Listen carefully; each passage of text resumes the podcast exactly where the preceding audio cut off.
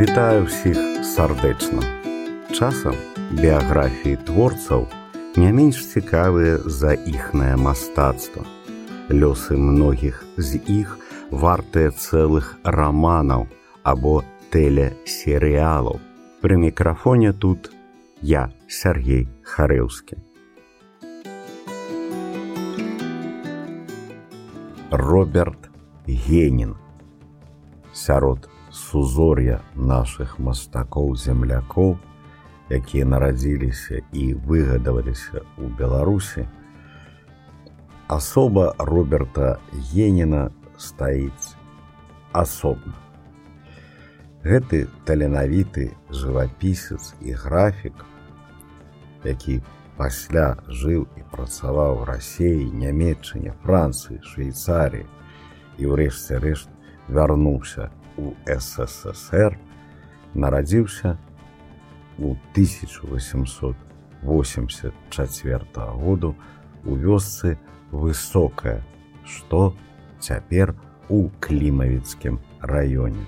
Жывапісная манера Геніна развівалася ад югент стылю, то бок мадэрну на пачатку два стагоддзя да сімвалізму і неокласіцызму напярэдадні першая сусветная вайны.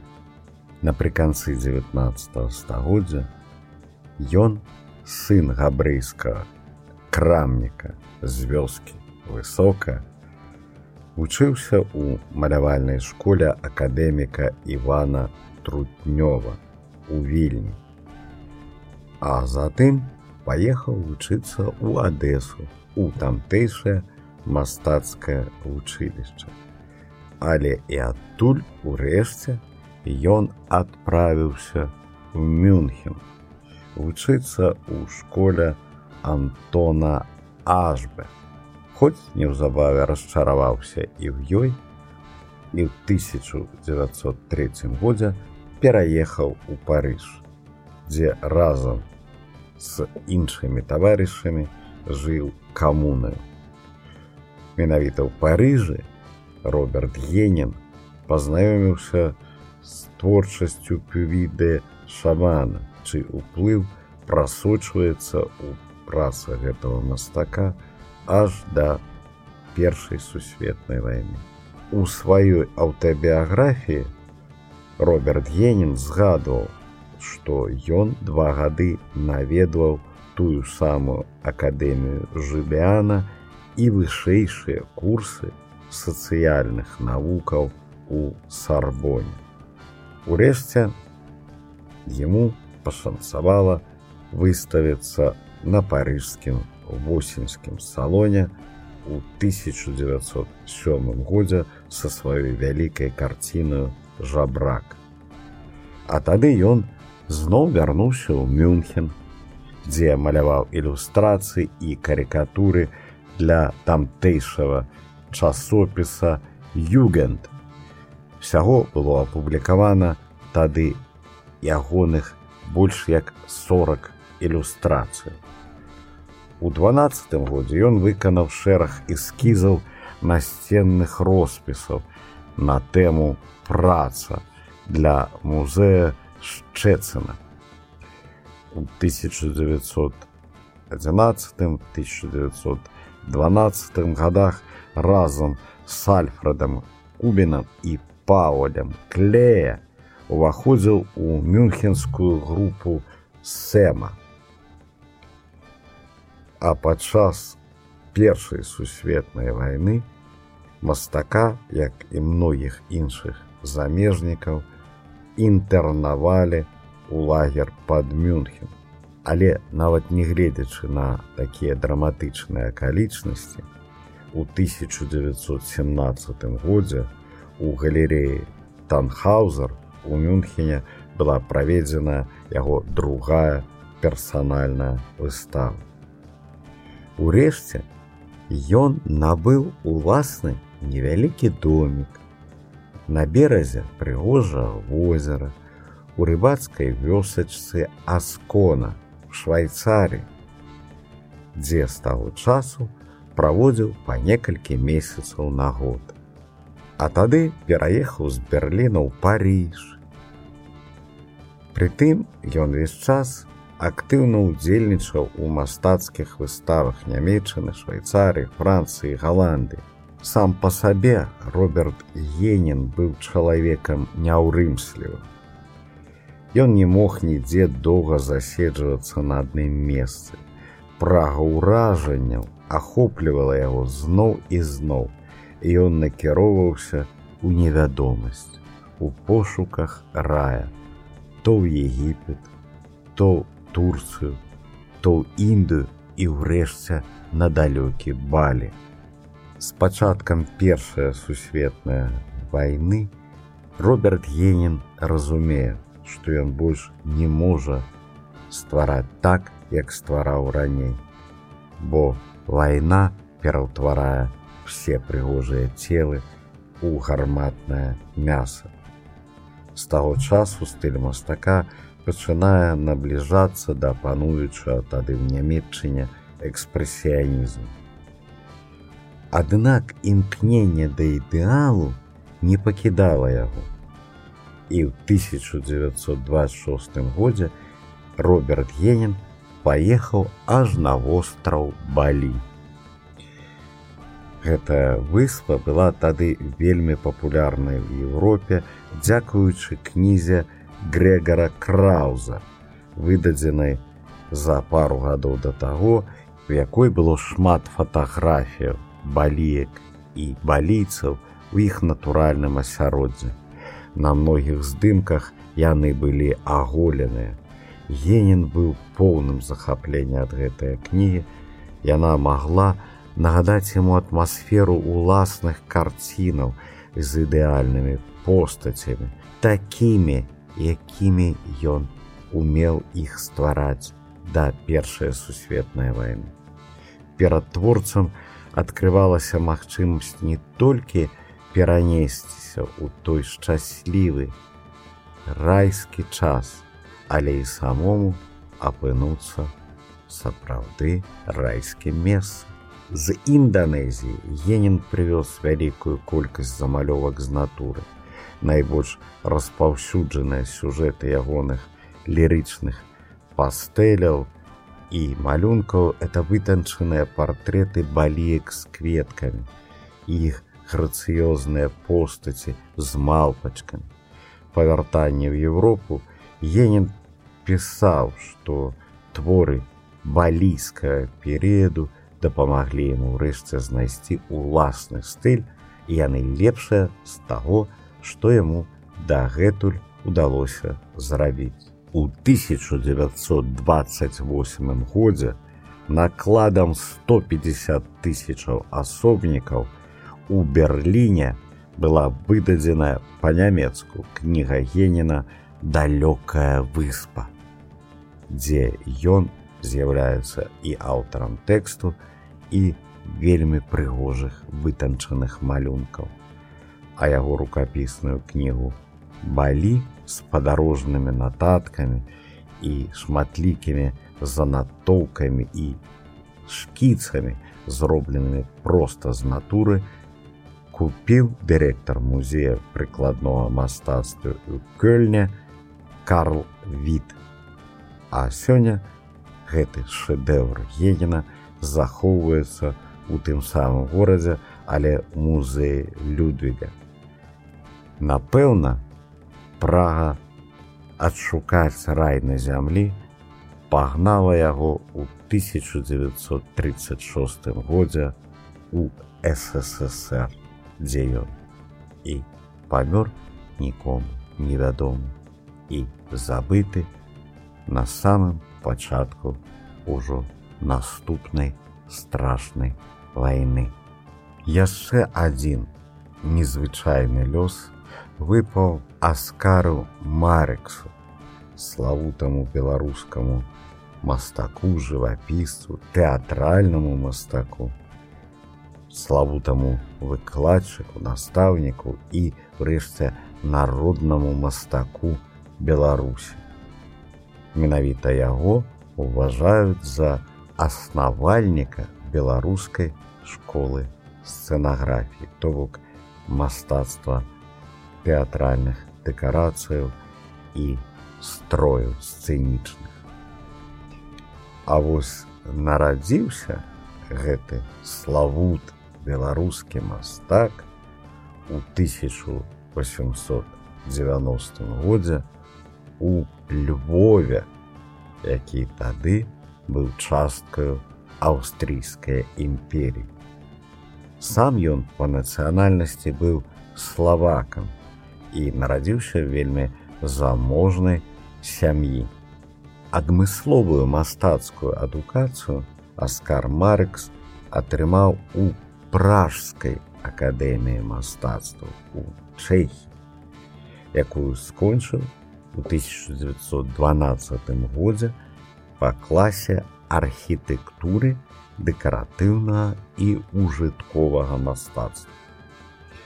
Таксама ён вучыўся ў варшаўскай школе вытанчаных мастацтваў, а затым і у акадэміі выяўленчых мастацтваў у вене сталіцы тагачаснай аўстрійскай імперіі і ўрэшце рэшт у Львове. Выхаванец пражская мастацкая школы Аскар Марекс атрымаў урэшце выдатную сапраўды еўрапейскую адукацыю. Ён першым увёў трохмернае вымярэнне дэкарацыяў у беларускае мастацтва. І на шчасце ацалелі сотні тэатральных працаў Аскары Марыкса. Паводле іх і сёння можна навучаць будучых сцэнографаў. Менш пашанцавала іншым перадусім жывапісным творам Аскара Марыкса, немцы вывезлі іх з беларусі проста з выставы што адчынілася ў менску літаральна за некалькі дзён да пачатку вайны. Толькі сябры паспелі нешта вывесці з іхнай кватэры у беларускі дзяржаўны тэатр імя янкі купал. І перадусім неацэнную бібліятэку аскара марыкса якую складалі сотні кніг на десятках моў. Частка кніг з экслібрысамі Аскара Марекса вярнулася назад яшчэ пры жыцці мастака. Урэшце, як ён апынуўся ў Менску і да сёння застаецца таямніцу. Перадусім, з 1920 года ён настала жыве ў сталіцы Беларусі. Ён тады быў сябрам так званая рэвалюцыйная платформы беларускіх рэфарматараў мастацтва, як што была заснаваная прафсаюзам работнікаў мастацтва адукацыі і друку, якую апроч яго ўваходзілі Александр Ахолавала, Алена Аладава ды многія іншыя. І, як мы ўжо казалі, ён у тыя гады стаяў ля вытокаў тэатральнай сцэнаграфіі ў Беларусі, што толькі зараджалася. Аскару Марексу літаральна цудам далося ацалець у гады сталіншчын і выехаць з Беларусі на пярэдадні другой сусветнай войны. Літаральна за некалькі дзён перад ёю адкрылася ягоная вялікая выстава, што мусіла стаць падсумаваннем яго 30гадовай мастакоўскай дзейнасці. Але і гэта ўсё загінула вайны. Ужо па вайне Марыкс зноў вярнуўся ў любимую ім Беларусь, але не наважыўся зно адразу пасяліцца ў Мску і два гады працаваў галоўным мастаком польска тэатру у савецкім тагачасным гродна.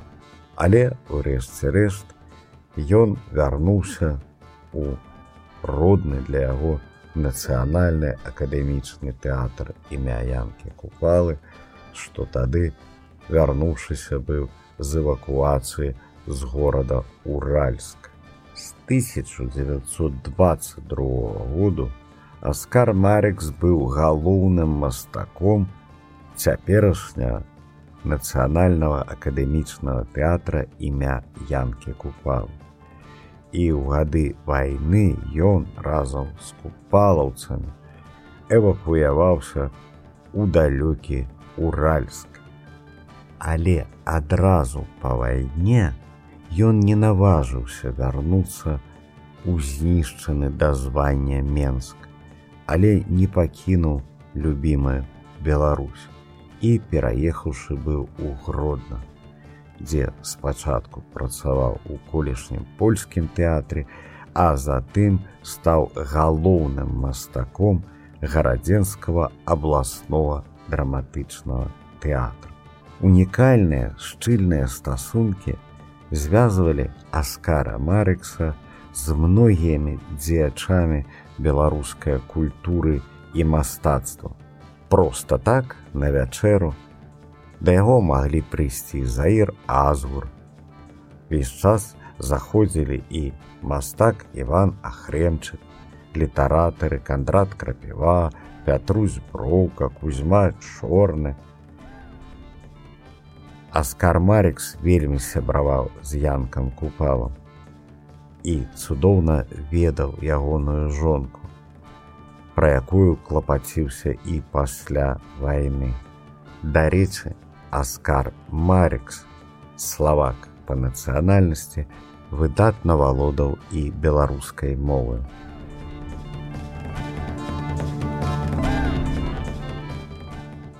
Сергей Цыкоўскі, жывапісец і мастацтвазнаўца Сергей Цыкоўскі, вядомы цяпер у свеце, дзякуючы сваім спакойным дэкаратыўным пейзажам і партрэтам, мноствам аквареляў, кшталт якіх сёння часам пазначаюць як мадэрнісцкі рэалізм або нават амерыканскі постімпрэсіянізм.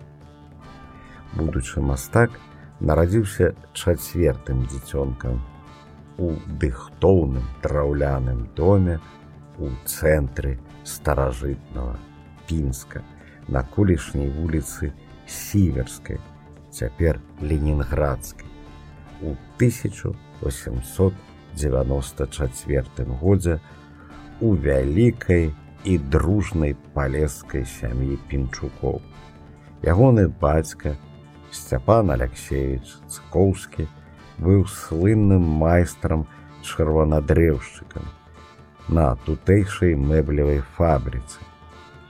А за хатнімі справамі увіхалася ягоная маці Вольга Івановна Макарэвіч. Як нарадзілася яшчэ адно дзіця, уласна, будучы мастак, то яго і ахрысцілі Мікалаем. Тут у старасветскім пінску ён вучыўся спачатку ў павятовай школе, а затым і ў славутай пінскай гімназіі. Талент да жывапісу выявіўся ў яго яшчэ ў дзяцінстве. Бацька прыхільна з разуменнем ставіўся да сыноўскага захаплення мастацтва. А таму і выправіў яго здольнага да навукі юнака у святую вільню, у дзяржаўную малявальную школу што быў заснаваўшы яшчэ Іван трутнёў. Да 1912 года, калі тут вывучыўшыся цыкоўскі, поўны курс гэтай школы скончылі 193 вучня розных нацыянальнасцяў і веравызнанняў, з якіх чвэрць пасля паступіла у пецярбургскую акадэмію мастацтва, а іншыя в Академии Берлина, Мюнхена ды Парижа. Па зарядзёнцы колішнія вучні пасля прысылалі ў віленскую школу свае першыя працы, што выстаўляліся у віленскім музеі старажытнасці. Тут пачыналі свае мастакоўскія біяграфіі Язэп Драздович, Рафал Еўхімович, Жак Ліпшыц, Павал Кремень, Лазар Сегал, Антанас Жмойдзянавічус, Йозас Зікарас, будучы пісьменнік гумарыст і мастак Восіп Тункель, болей вядомы пад псеўданімам Дэр Тункелер, ды многія іншыя мастакі з Беларусі і літвы. У адзін час з цыкоўскім тут вучыўся і ягоны будучы сябар хаем суцем. Але раптоўна пачатак вайны змяніў все планы навучэнцаў школ. Хаем суцем паспеў да таго яшчэ выехаць у Парыж, а Миколай Цыкоўскі разам з вялікай бацькоўскай сям'ёю апынуўся у далёкай далёкай расейскай пензе. І ўжо там поступіў у імператорскую пензенскую мастацкую вучэльню, дзе адвучыўся тры гады і пазнаёміўся з Владзімером Татлем. Але побыт на чужыне ўсё ніяк не складаўся. За вайною прыйшла новая вайна грамадзянская, у віхуры якой знікалі сваякі, землякі, сябры, родны пінск надоўга апынуўся за лініямі фронту. За лепшым жыццём спанявечанай рассеі, урэшце на сваю рызыку выправіўся ў вольны свет бацька мастака, але прапаў без вестак па кавалак хлеба здолеў дабрацца да Амерыкі брат мастака рыгор цыкоўскі. Тым часам мастацкае вучылішча пензе было пераўтворанае у вольныя мастацкія майстэрні. Але самога Миколая цыкоўска бальшавікі гвалтам мабілізавалі ў чырвонае войска у якасці мастака агітатара. Урэшце пасля рыжскага міру да ўласнага дому на бацькаўшчыну здолела выбрацца маці з двумя дачкамі, сёстрамі Миколая. Атрымалася тыповая гісторыя выгнанцаў, адна з тысячаў беларускіх бежанскіх гісторыяў. Пры першай магчымасці у 1921 годзе, цыкоўскі дэмабілізаваўся, прылазіўшыся выкладаць малявання у Екацярынбургу. Але затым паступіўшы быў у славутыя вышэйшыя мастацкія майстэрні хутэмас, што мелі тады ранг тагачасная акадэмія мастацтва. У той час мастак актыўна убіраў уплываў найбольш прагрэсіўных тады плыняў у мастацтве ад постімпрэсіянізма сезана да фавізма маціса і ўрэшце да кубізму культурызму канструктывізму ды супрэматызму настаўнікі яго той час былі славуты графік владимир фаворскі выдатныя жывапісцы Ілля Машкоў і Павел Кузняцоў, але неўзабаве Цыкоўскі вырашыў больш не выпрабоўваць лёс у бальшавіцкай рассеі. Амо засумаваў па роднаму дому. Пасля кароткага побыту ў бацькоўскай хаце у пінску, пакінуўшы на радзіме ўсе свае раннія творы, Миколай Цыкоўскі выправіўся далей шукаць бацьку і брата. Літаральна праз парыж ён урэшце дабраўся да нью-йорку. Гэтак ягонае жыццё было падзелена як хлеб на дзве няроўныя паловы. Цыкоўскі перарабіў сваю кар'еру практычна з нуля у нью-йорку але ён прыбыў в Амерыку ўжо дарослым мужчынам які паспеў шмат пабачыць на свае вочы болей, чым іншыя. Ён ужо быў прафесійным мастаком. Таму ён адразу знайшоў сабе адпаведную працу. ствараючы тэатральныя дэкарацыі і манументальныя роспісы. Тут ён сустрэўся з земляком абрамам Маневічам, таксама з давыдам бурлюком, з братамі соерамі стамбоўшчыны, якія таксама, прыехаўшы былі туды нядаўна. Сяброўства з імя цыкоўскага засталося на ўсё жыццё.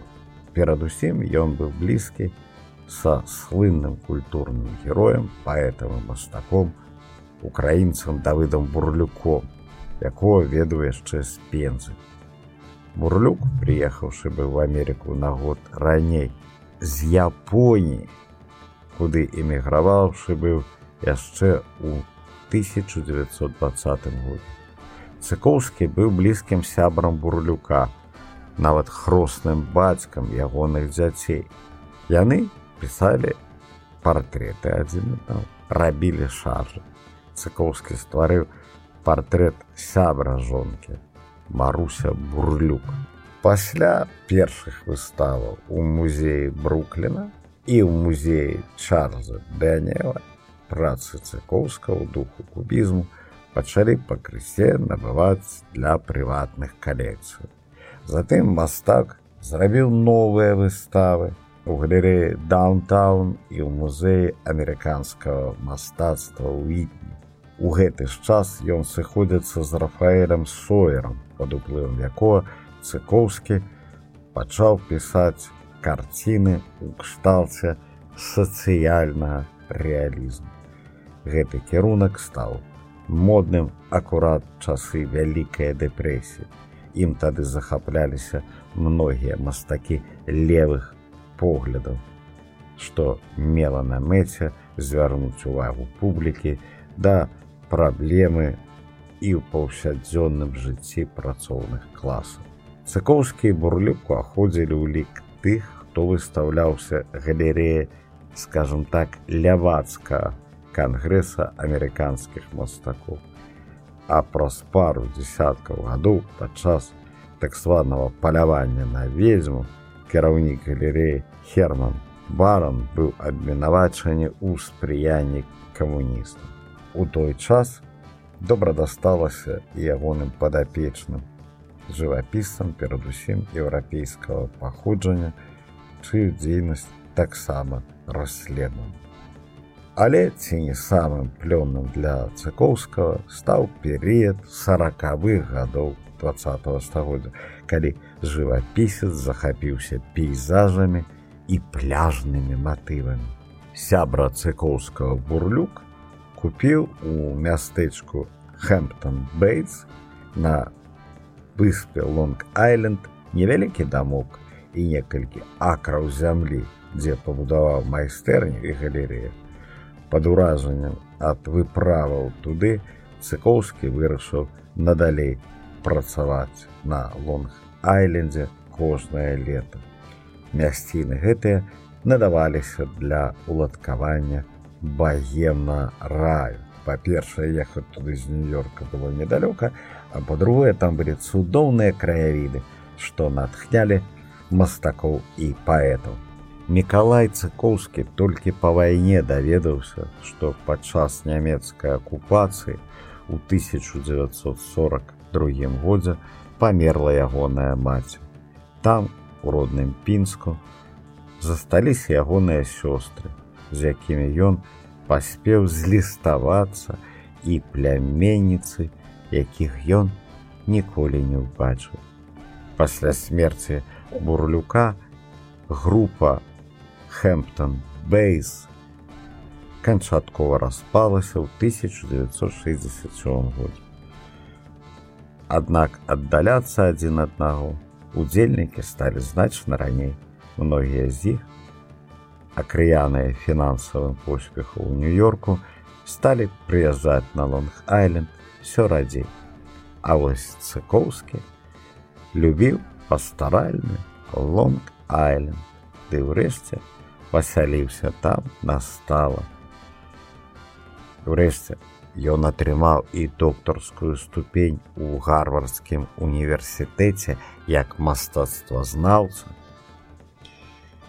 А ў 1970 70 годзе стаў дырэктарам мастацкага музея ў горадзе Остин, што штаце Техас. Жывапісец ціха памёр у 1987 годзе у зеніце сваёй славы у самім Вашынгтоне.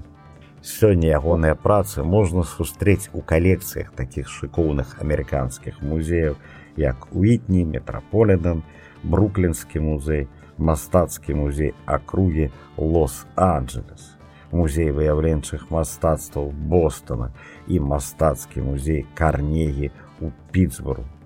А ў пінску, апроч магілаў родных, яшчэ стаіць дом, дзе нарадзіўся гэты выдатны мастак.